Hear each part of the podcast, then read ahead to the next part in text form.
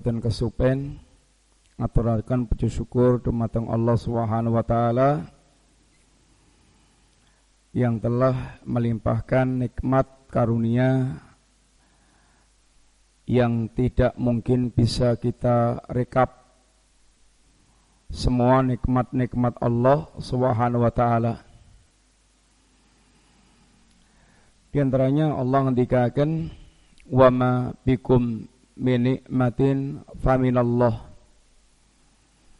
Apa pun nikmat yang Anda rasakan, maka nikmat itu semuanya datangnya dari Allah Subhanahu wa taala. Termasuk Bapak sekalian kedatangan Bapak Ibu kerawan pada malam hari ini, kedatangan kita ke masjid dengan badan yang sehat, nyaman, itu semuanya merupakan bagian nikmat Allah Subhanahu wa taala. Dan yang Rasulullah SAW ingatakan kalau bicara tentang nikmat Allah nikmat Allah niku secara umum terbagi pada dua kelompok besar yang pertama nikmat yang kaitannya pun dengan dunia. Nikmat-nikmat dunia. Nikmat dunia ini kata Nabi Allah berikan kepada siapa pun. Baik yang Allah cintai yang tidak Allah cintai kalau itu dunia Allah bagikan kepada siapa pun sehingga melalui kita mas Quran kita akan mendapatkan di antaranya cerita orang yang dilaknat oleh Allah ditenggelamkan Allah di lautan yaitu Fir'aun. Fir'aun saking Allah berikan kerajaan yang sangat kuat dan sangat luas. Sampai Fir'aun lupa diri dan mengatakan ana rabbukumul a'la. Saya adalah Tuhan kamu yang paling tinggi. Fir'aun lupa kalau apa yang dimiliki itu semata-mata adalah pemberian dari Allah Subhanahu wa taala. Di sana juga ada Korun yang Allah buat hartanya melimpah ruah sampai kunci-kunci gudangnya saja nggak bisa diangkat oleh puluhan orang yang kuat yang menunjukkan tentang gudang-gudang hartanya sangat banyak. Dan keduanya orang yang dilaknat oleh Allah Ta'ala. Dunia itu Allah berikan kepada siapa pun walaupun mereka adalah orang yang sangat dibenci oleh Allah taala. Kita juga mendapatkan kisah yang Allah sebutkan bahwa sekalian raja yang kerajaannya tidak pernah Allah berikan kepada sebelum dan sesudahnya Raja yang Allah berikan kemampuan berbahasa dengan bahasa binatang. Kalau mau pergi ke mana, Allah siapkan angin untuk bisa membawa, mengantarkan ke mana akan pergi.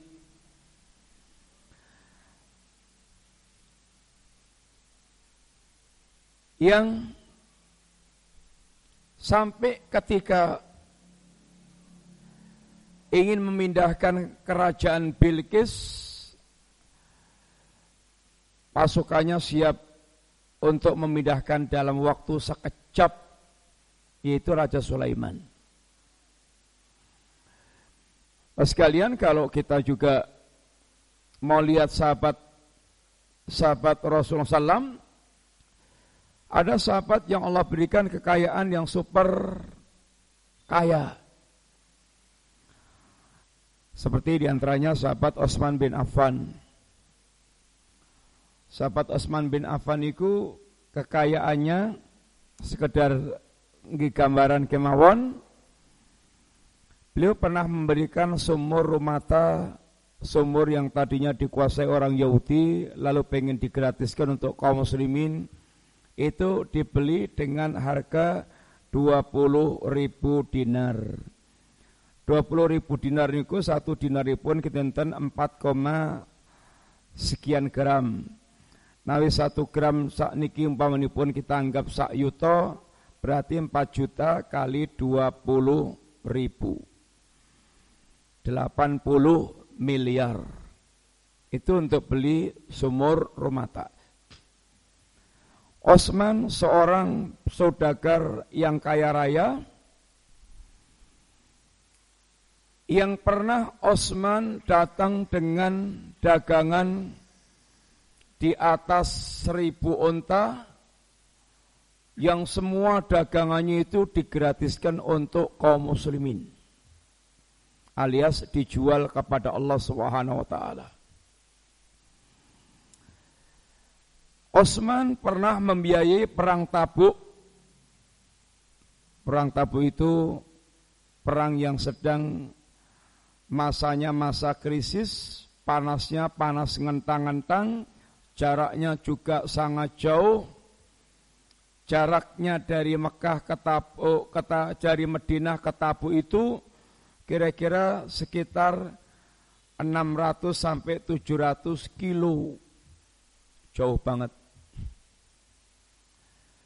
Sehingga Nabi memberikan pengumuman khusus. Untuk peperangan ini Osman nyumbang sepertiga biaya perang tabuk disumbang oleh Osman.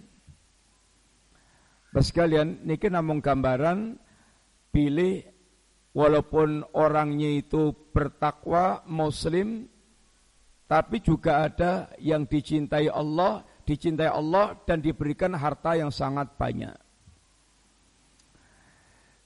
Sekedar ngasih gambaran nek soal kadonyan niku nyon ngapunten Allah berikan kepada siapa pun.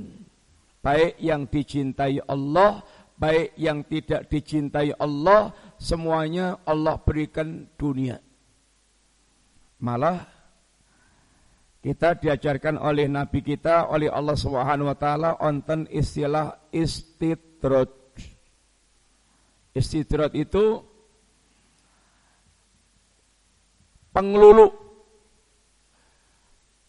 Orang yang mereka tenggelam dalam perbuatan maksiat dan kedurakaan, tapi malah Allah buat dunianya itu lancar jaya. Grocok deres. Sehingga dunianya bisa melimpah ruah. Sanastadrijuhum min haitsu la ya'lamun. Akan kami istidrat mereka dari arah yang tidak mereka sangka-sangka. Rumusipun tiang ingkang dipun istidrat niku Idza ra'aitumullaha yu'til abda ma yuhibbu wa huwa ala ma'asihi fa'lam annama huwa istidrat qala.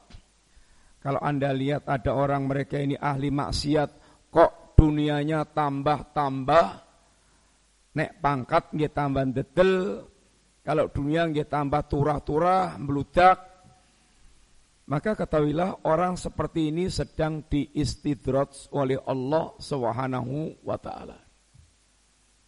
Artosipun ampun gumun, ampun kepingin, ampun kepincut, jangan ini terkagum-kagum kalau hanya sekedar dunianya meludak-meludak padahal mereka ahli maksiat.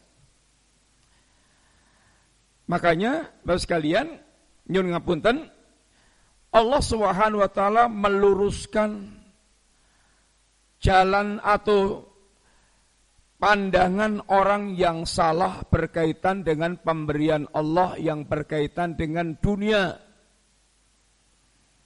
Kata Allah, "Fa'ammal insanu idza mabtalahu rabbuhu fa'akramahu wa na'amahu fayaqulu rabbi akraman." Wa amma idza mabtalahu faqaddara alaihi rizqahu fayaqulu rabbi ahanan. Kalla Kata Allah, manusia itu kalau Allah uji. Jadi judulnya itu Allah uji. Fa'ammal insanu ida mabtalahu. Manusia itu kalau Allah uji dengan nikmat yang beruntun dikasih nikmat dredel sama Allah Subhanahu wa taala. Komentarnya, oh masya Allah, Allah sedang memuliakan saya. Allah sedang memuliakan saya. Tapi kalau diuji oleh Allah Subhanahu wa taala dengan disendetkan nikmatnya diparing musibah, paringi loro, dapat kecelakaan atau mungkin juga yang lain-lainnya. Komentarnya, Rabku sedang menghinakanku. Allah dikatakan, kalau hambaku bukan seperti itu. Tapi urusan ini pun urusannya itu sedang diuji. Ada yang diuji kepenak, onten yang kang dipun uji mboten kepenak, yang nanti tinggal apakah akan menjadi hamba yang abdun, abdan, syakuran, abdan, saburan, hamba yang bersyukur dan bersabar, atau hamba yang kufur atau putus asa. Sekalian, kalau kita ingin di, kalau kita ingin melihat atau mengoreksi apakah kita ini dicintai Allah atau tidak, nyun ngapunten, monggo dipun persani sejauh mana perhatian kita dumateng agami. Sebab Nabi ngendikaken innallaha yu'ti dunya ila ma ila man yuhibbu wa man la yuhib wa la yu'ti illa man ahab Sesungguhnya Allah Subhanahu wa taala memberikan dunia itu kepada siapa pun baik yang Allah cintai maupun yang tidak Allah cintai. Tapi kalau agama hanya Allah berikan kepada orang yang Allah cintai.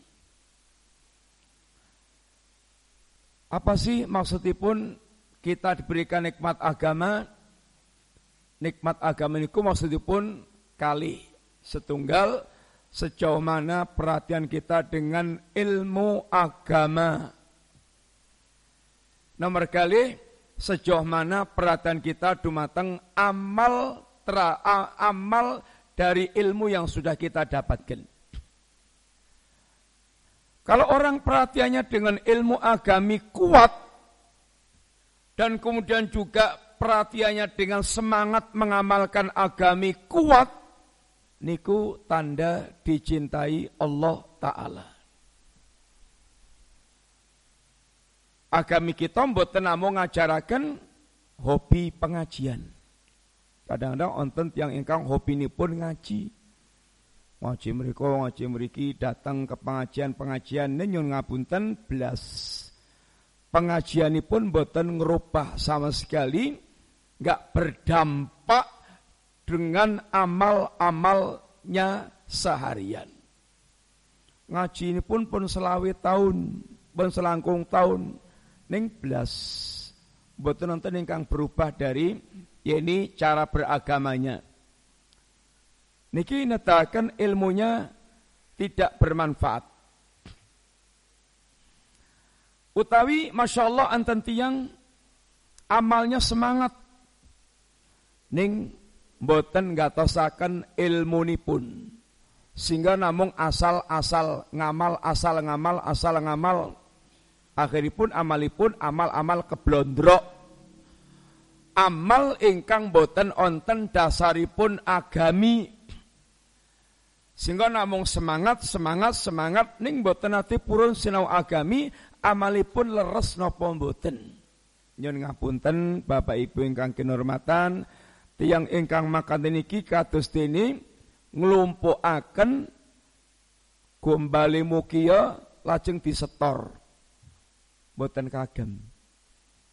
Ketinggalipun amalipun merentep kuwatah teng cerantel. Ning amalipun boten nonton tuntunanipun saking agami. Niku badhe namung badhe muspro sehingga muslim niku ilmunipun kedah dados amal, amalipun kedah dipun dasari ngagem ilmu. Pas kalian dalam menikah monggo kita ngaos setunggal hadis Kanjeng Nabi nate ketuken tiang Arab Badui. Nabi pernah kedatangan seseorang. Lalu orang ini katakan, Ya Rasulullah, Mada uh, mata sa'ah. Ya Rasulullah, mata sa'ah. Kanjeng Nabi, kiamat niku kapan sih? Begini pun Kiamat niku pun kapan? Rasulullah Sallallahu Alaihi Wasallam, bapak sekalian, tidak memberikan jawaban pertanyaan tiang kolowau ingkang tanglet kapan kiamat terjadi. Sebab panci ilmu ini pun babakan kiamat niku buat nonton tiang ingkang ngertos kejawi namung Allah piyambak. Yas'alukan nasu anis sa'ah kul innama ilmuha indallah. Manusia bertanya kepada engkau ya Muhammad kapan terjadinya hari kiamat.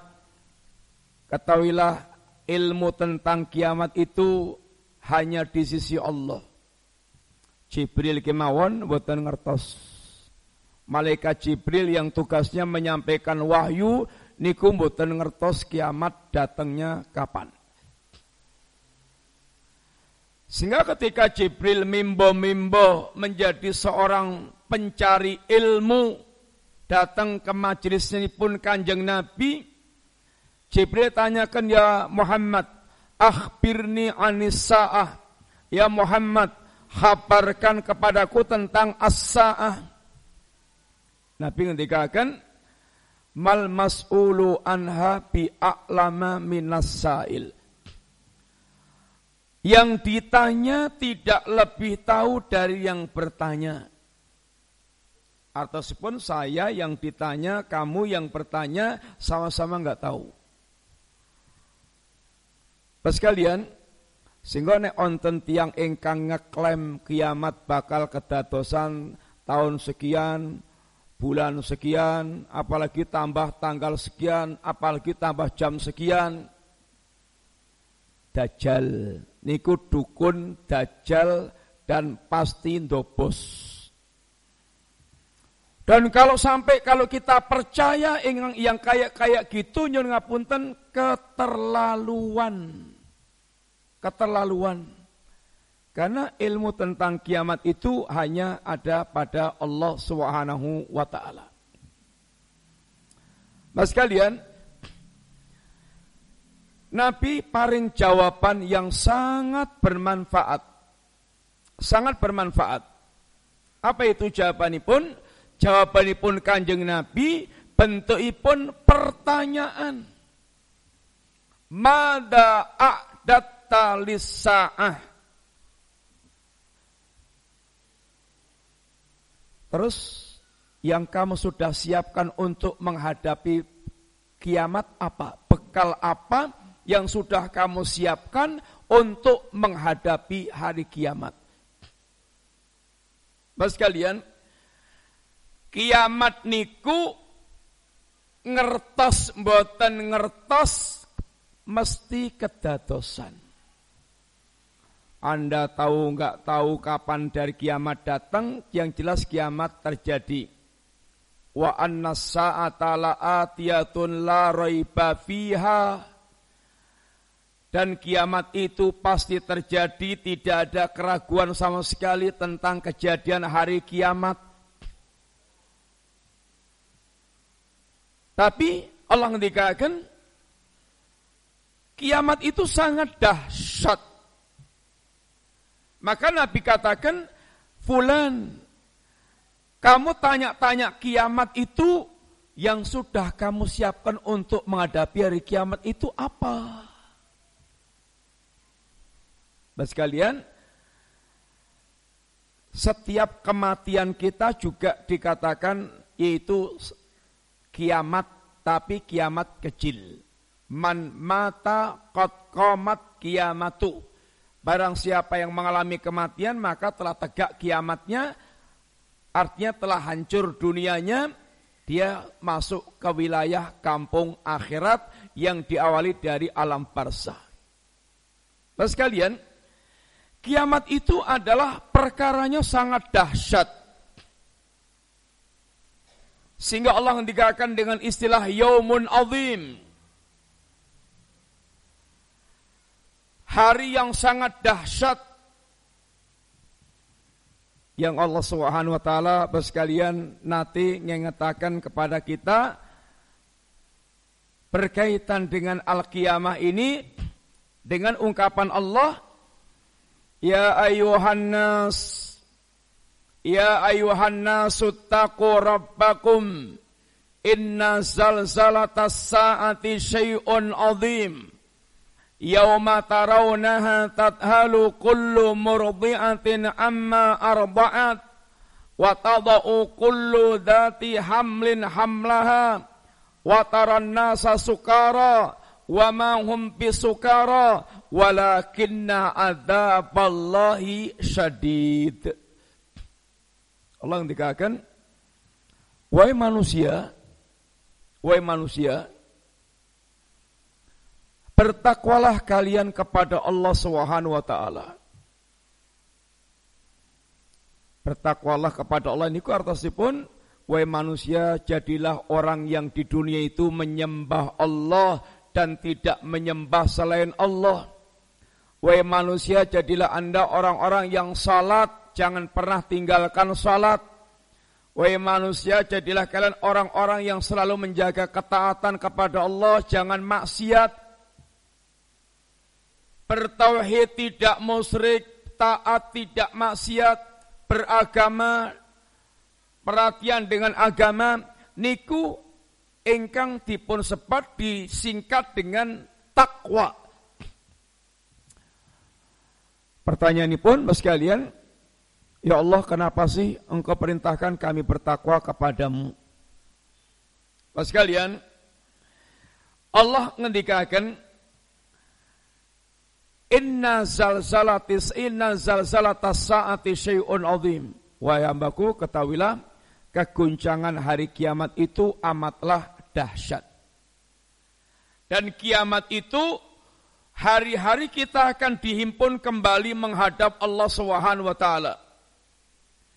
Ini yang diingatkan oleh Allah dengan ungkapan Allah ini wattaqu yauman turja'una fihi ilallah Wahai hamba Allah, ingat takutlah kalian akan datangnya hari saat nanti Anda akan dihimpun menghadap Allah.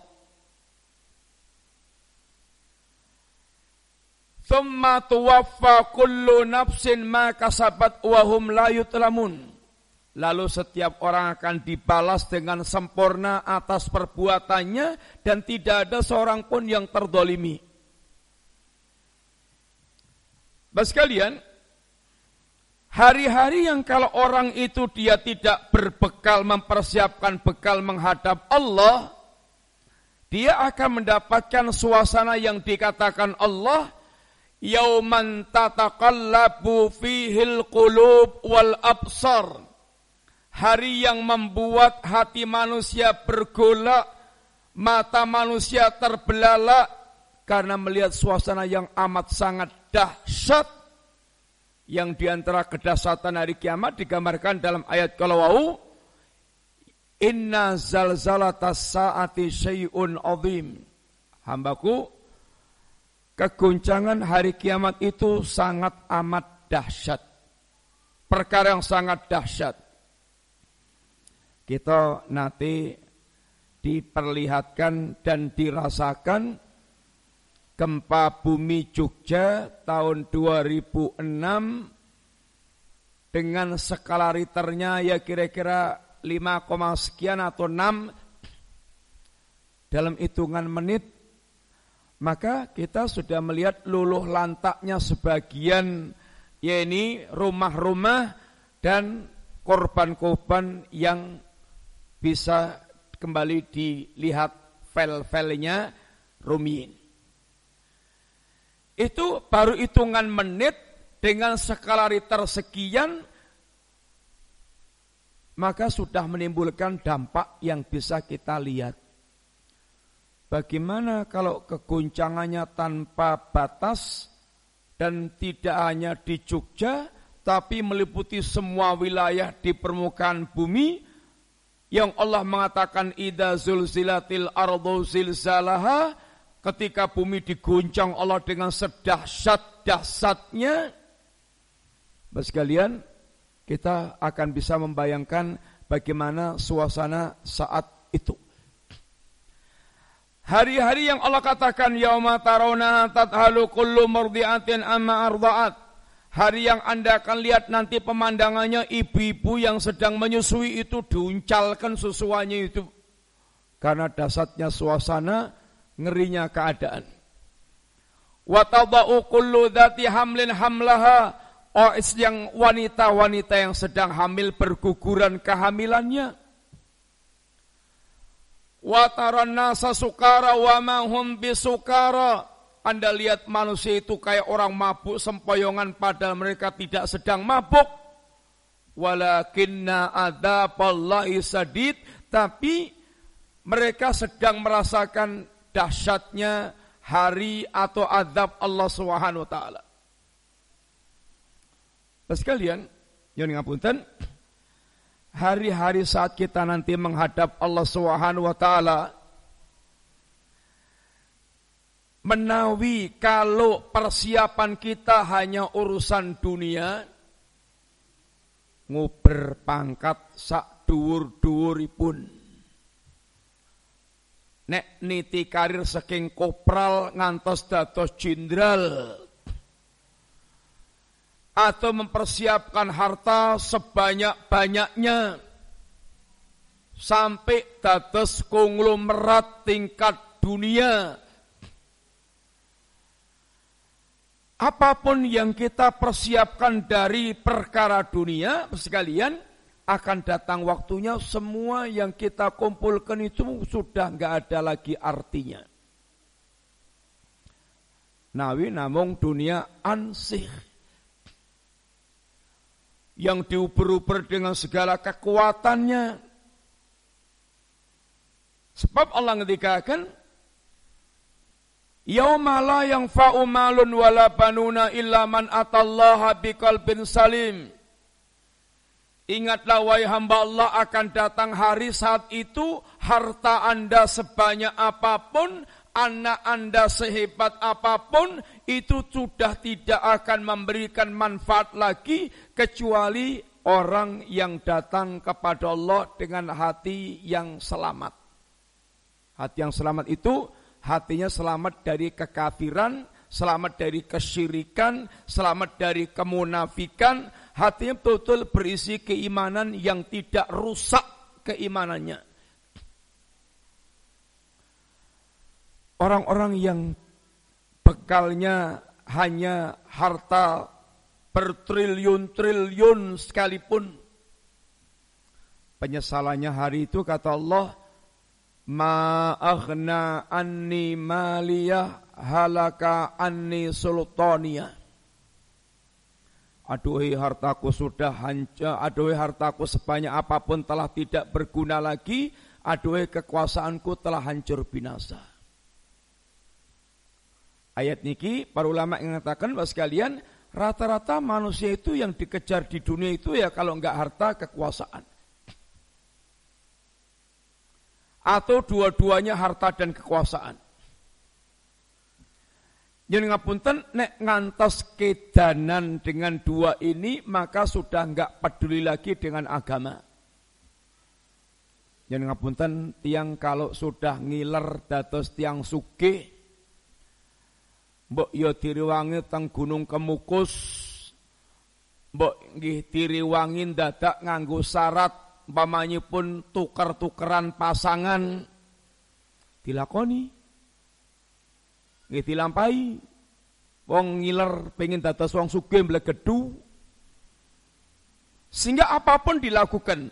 Kalau bahasa agamanya, mbok ya kedah ngadak nganggo dadi musyrik, dados ngafir, dados munafik, ya dilakoni yang penting terus cepat sakit mimpi mewujudkan apa yang dia mimpikan. Maka tenugi tiang engkang ngiler dados pejabat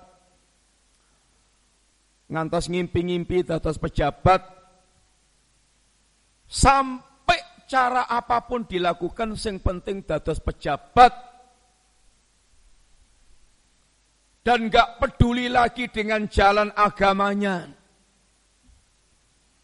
Mas kalian, kalau kita sampai harus begitu untuk mendapatkan dunia, ya kita nanti akan mendapatkan hari penyesalan, harta dan jabatan kita sudah tidak akan lagi memberikan manfaat apa pun. Sekarang kita sangat berbangga dengan anak-anak kita, keluarga kita, punya koneksi orang-orang hebat, pejabat-pejabat, itu kalau kita di dunia sekarang ini punya gitu-gituan itu nggak sangat sangat manfaat. Tapi Allah ingatkan nanti siapa pun yang menjadi koneksi kita hebatnya kayak apa pun sudah nggak ada yang peduli lagi. Di hari saat kita nanti menghadap Allah Subhanahu wa taala kita sampun mas daya insyaallah ayatipun Allah yauma yafirul mar'u min akhi wa ummihi wa abi wa sahibati wa bani likulli imri'in minhum yauma idzin sa'nu yukhni Allah ngendikakan hari ketika setiap orang akan lari dari saudaranya, dari ibunya, dari ayahnya, dari istrinya, dari anaknya Masing-masing orang mereka itu sibuk dengan urusannya sendiri-sendiri. Gak mikir lagi. Masa sih? Gak penjenengan sakit bayangakan sanajan namung namung, namung ningali TV pun waktu gempa Palu waktu tanah itu berjalan Kemudian asa antar tetangga ya namun cedak, tapi dia harus ngirut ikut arus tanah yang berjalan. Mbok nggih tulung-tulung kados bundi ya kan namung dirungokne tok. Mboten saged nulungi. Masing-masing berjuang sibuk dengan urusan dirinya untuk selamat. Kalau itu gambaran sekilas apa yang terjadi di dunia sakit kita tinggali, bagaimana dahsyatnya ketika kita nanti menghadap Allah, ketika Allah gambarkan suasana yang super dahsyat kalau wow. Maka pertanyaan Rasulullah SAW itu ma'adatta lisa'ah. Apa sih yang sudah kamu persiapkan untuk menghadapi hari kiamat? Untuk menghadap Allah Subhanahu wa taala. Mas kalian, orang tadi kemudian memberikan jawaban ya Rasulullah. Persiapanku adalah hubballahi wa rasulih. Ya Rasulullah, persiapanku hanya kecintaanku kepada Allah dan kecintaanku kepada Rasulullah sallallahu Apa kata Nabi? Anta ma'a man ahbabta. Kamu akan bersama dengan orang yang Anda cintai. Kamu akan bersama dengan orang yang Anda cintai. Kalimat Rasulullah Sallallahu Alaihi Wasallam ini, bapak sekalian, kalimat yang sangat dalam yang sangat membuat Anas bin Malik yang meriwayat yang meriwayatkan hadis ini betul-betul berbunga-bunga. Apa katanya? Ma farihna ba'dal islami saya tidak pernah memda, saya tidak pernah merasa gembira setelah semenjak aku masuk Islam. Asyaddu min qaulin nabi yang lebih besar kegembiraanku dibandingkan ketika aku dengar Nabi katakan anta ma'a man ahbabta. Anda akan bersama dengan orang yang Anda cintai. Kata Anas bin Malik, "Uhibbullaha wa uhibbur rasula wa uhibbu Abu Bakrin wa Umar wa arju an akuna ma'ahum walau lam a'mal bi a'malihim." Saya mencintai Allah, saya mencintai Abu Bakar, saya mencintai Rasulullah, saya mencintai Abu Bakar, saya mencintai Umar. Dan saya berharap aku bisa bersama dengan mereka walaupun aku tidak mungkin bisa beramal sekelas amalnya mereka. Bapak sekalian, ini di antara keutamaan mencintai Rasulullah Sallallahu Alaihi Wasallam. Dan ini juga peringatan. Yang ngapunten, hati-hati kalau yang kita cintai itu orangnya model Fir'aun, orangnya model Abu Jahal, orangnya model orang-orang yang mereka anti agama atau dia musyrik atau dia kafir atau dia munafik atau dia ahli maksiat. Hati-hati kalau hati kita kita arahkan cintanya kepada orang-orang yang seperti itu. Anta ma'a man ahbabta. Kalau yang kita cinta ini ternyata orang musyrik dan nanti hanya akan menjadi ahlun nar orang kafir dan hanya akan menjadi ahlun nar, orang ahli maksiat dan akan terancam menjadi ahlun nar. Khawatirkan kalau kita mencintai orang yang seperti ini, itu kita akan juga ikut dimasukkan ke dalam ini neraka seperti yang kita cintai. Maka yang ngapunten ngatas atas mengarahkan kecintaan kita kepada siapa? Yang idola-idola kita, sekalian seringnya lari-lari yang mengidolakan artis-artis yang justru ahli maksiat. Apalagi anak-anak muda idolanya umpamanya artis Koreanan, kafir, musyrik, kadang nggak punya agama. Idolanya tokoh-tokoh musyrikin. Ya baik itu anak-anak, baik itu yang muda, baik itu yang tua. Kalau sampai kita salah mengidolakan orang, bos kalian, maka dikhawatirkan kita akan nanti dibersamakan dengan mereka di tempat yang Allah tempatkan mereka di tempat yang buruk itu jahanam. Bos kalian, sehingga yang ngapunten, modal kita mencintai Rasulullah sallallahu alaihi wasallam niku saged ndadosaken kita akan dibersamakan dengan Rasulullah sallallahu alaihi wasallam. Kita sakit mencintai kanjeng Nabi niku dengan dua sebab. Seseorang kita cinta itu di antaranya karena dua sebab. Sepindah karena kesempurnaan yang kita cintai perkawis niku sesuatu itu semakin dia sempurna perkaranya maka akan semakin kita mencintai dan tidak ada orang yang lebih sempurna dibandingkan Rasulullah Sallallahu Alaihi Wasallam. Ning niki kedah ngertos kedah sinau kanjeng Nabi sepak terjangnya kayak apa sehingga akan tumbuh kecintaan kita kepada Nabi.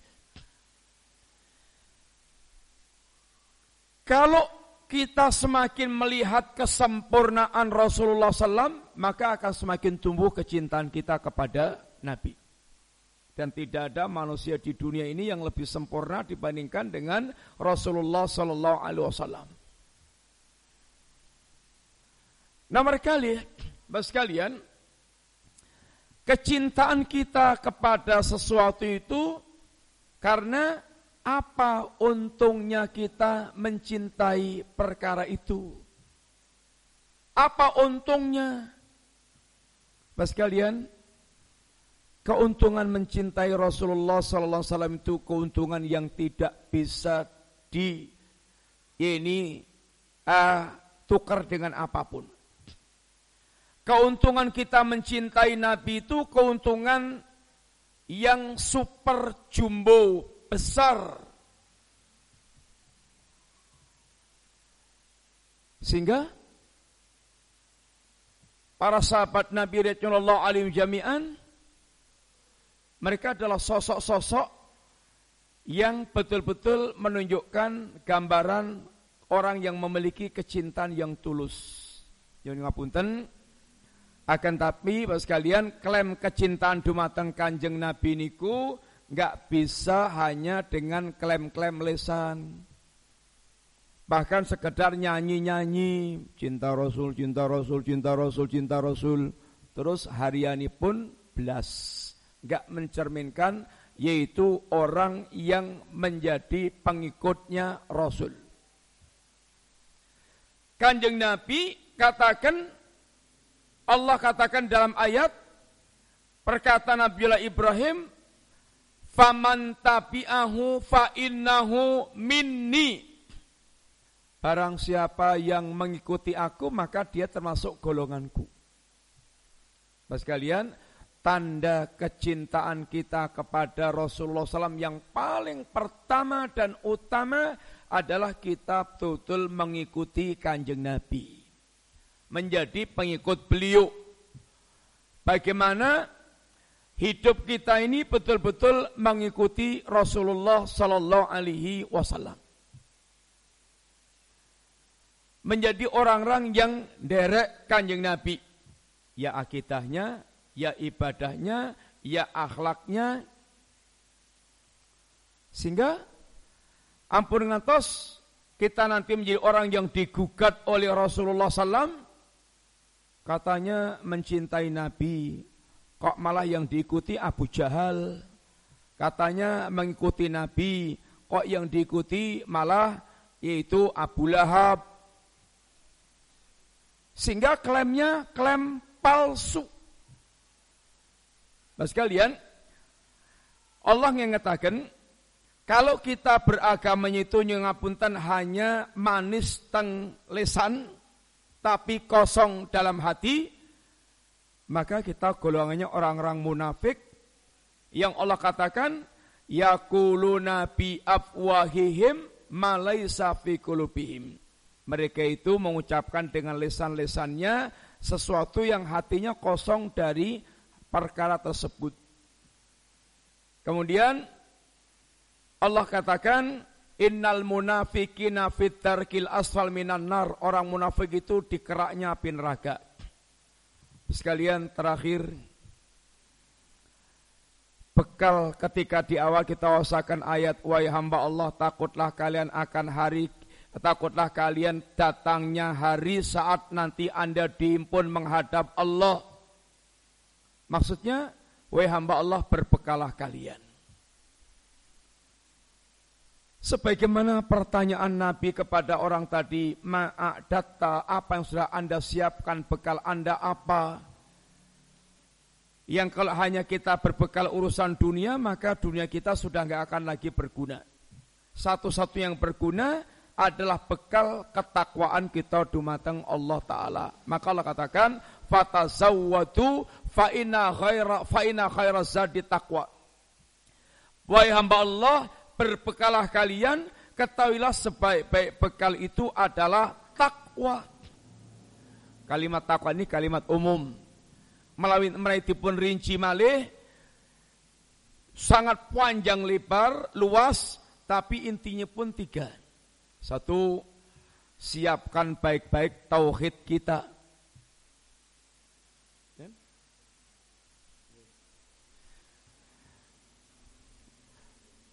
Siapkan baik-baik yaitu tauhid kita. Tauhid niku mboten sekedar ngibadah, ning tauhid tauhid niku mboten sekedar percaya kali Gusti Allah dan tauhid tidak sekedar ibadah, tauhid niku nyembah Allah totalitas dengan tidak mencampuri dengan syirik. Nek namung sekedar percaya kali Gusti Allah niku sami kali iblis, sami kali Fir'aun, sami kali Abu Jahal, nggih percaya kali Gusti. Kalau sekedar kita sampun ngibadah, pun salat, pun poso, pun zakat, pun haji, niku dereng istimewa Sebab tiang Quraisy juga beribadah kepada Allah tapi tidak bertauhid. Engkang dipun suwun Allah yaitu ngibadah dan bersih dari kesyirikan. Nek ibadah tanpa resik saking syirik nyun ngapunten, mbok gunung kebaikan kita sudah berapa ratus gunung kebaikan itu bakal ludes. Lain asrak talah batana amaluk. Kalau Anda musyrik, maka amal Anda akan ludes. Nomor kali, bos kalian, bekal kita yang paling manfaat, dia menikah akhlakul karimah. Akhlak ingkang mulia. Sampai Nabi ngendikakan, seandainya Anda itu orang yang tidak ahli salat, tidak puasa, artas pun ibadah pun sarwo kirang, ibadah sunatipun, maka jangan Anda pula perburuk akhlak Anda. Sebab Nabi ngendikakan, innal mu'mina layutriku uh, layutriku darajata saim al-qaim bi husni khuluqi tiang mukmin iku saged meraih ini tingkatannya orang yang ahli salat, ahli puasa, sakit mengejar kedudukan mereka dengan bagusnya akhlak. Kanti saini pun akhlak. Akhlak ingkang sainiku intini pun kaful ada, jangan suka ganggu orang Wabatul nada curahkan kemanfaatan untuk manusia. Wa talaqatul wajhi dan berusaha untuk tampil selalu menyenangkan yaitu manusia. Niki akhlak ingkang dipunajarakan kanjeng Nabi. Ingkang nomor tiga, dia menikah jangan lupa persiapan taubat sebab taubat niki kalau kita lakukan at-taib kamala dan banlah orang yang bertobat kados dini yang ingkang boten nate ndamel dosa. Kita banyak dosanya, kita banyak kurangnya, tapi kita diberikan oleh Allah kesempatan selama ada waktu untuk menghapuskan semua keburukan kita kanti tobat dumantang Allah Ta'ala. Tobat itu kata ikhlas, dia meninggalkan perbuatannya, menyesal dengan apa yang telah dia lakukan dan berazam untuk tidak untuk mengulangi tidak mengulangi perbuatan kalau wow. Jangan sampai tobat kita terlambat sehingga tinggal penyesalan-penyesalan yang tidak ada gunanya lagi. Hatta idza jaa ahadahumul maut qala rabbirji'un la'alli a'malu salihan fima taraktu Hingga apabila kematian mendatangi salah seorang di antara kalian, maka ucapannya tinggal penyesalan, Ya Rob undurkan kematianku, Ya Rob aku kasih, Ya Rob berikan aku waktu sebentar aja, mundurkan waktu kematianku. Untuk apa sih? Agar aku bisa beramal soleh apa yang dulu aku tidak lakukan. Mas kalian, makaten pun telah, semoga-moga manfaat, mungkin-mungkin pengawasan kita dalam menika dipun berkahi Allah Subhanahu wa taala dados ka manfaat saged netasaken kita tambah istiqomah wangsul dumateng Allah kanthi husnul khatimah. Makaten maturun sangat jazakumullah khair. Wa sallallahu ala nabiyyina Muhammadin wa ala alihi wasallam assalamualaikum warahmatullahi wabarakatuh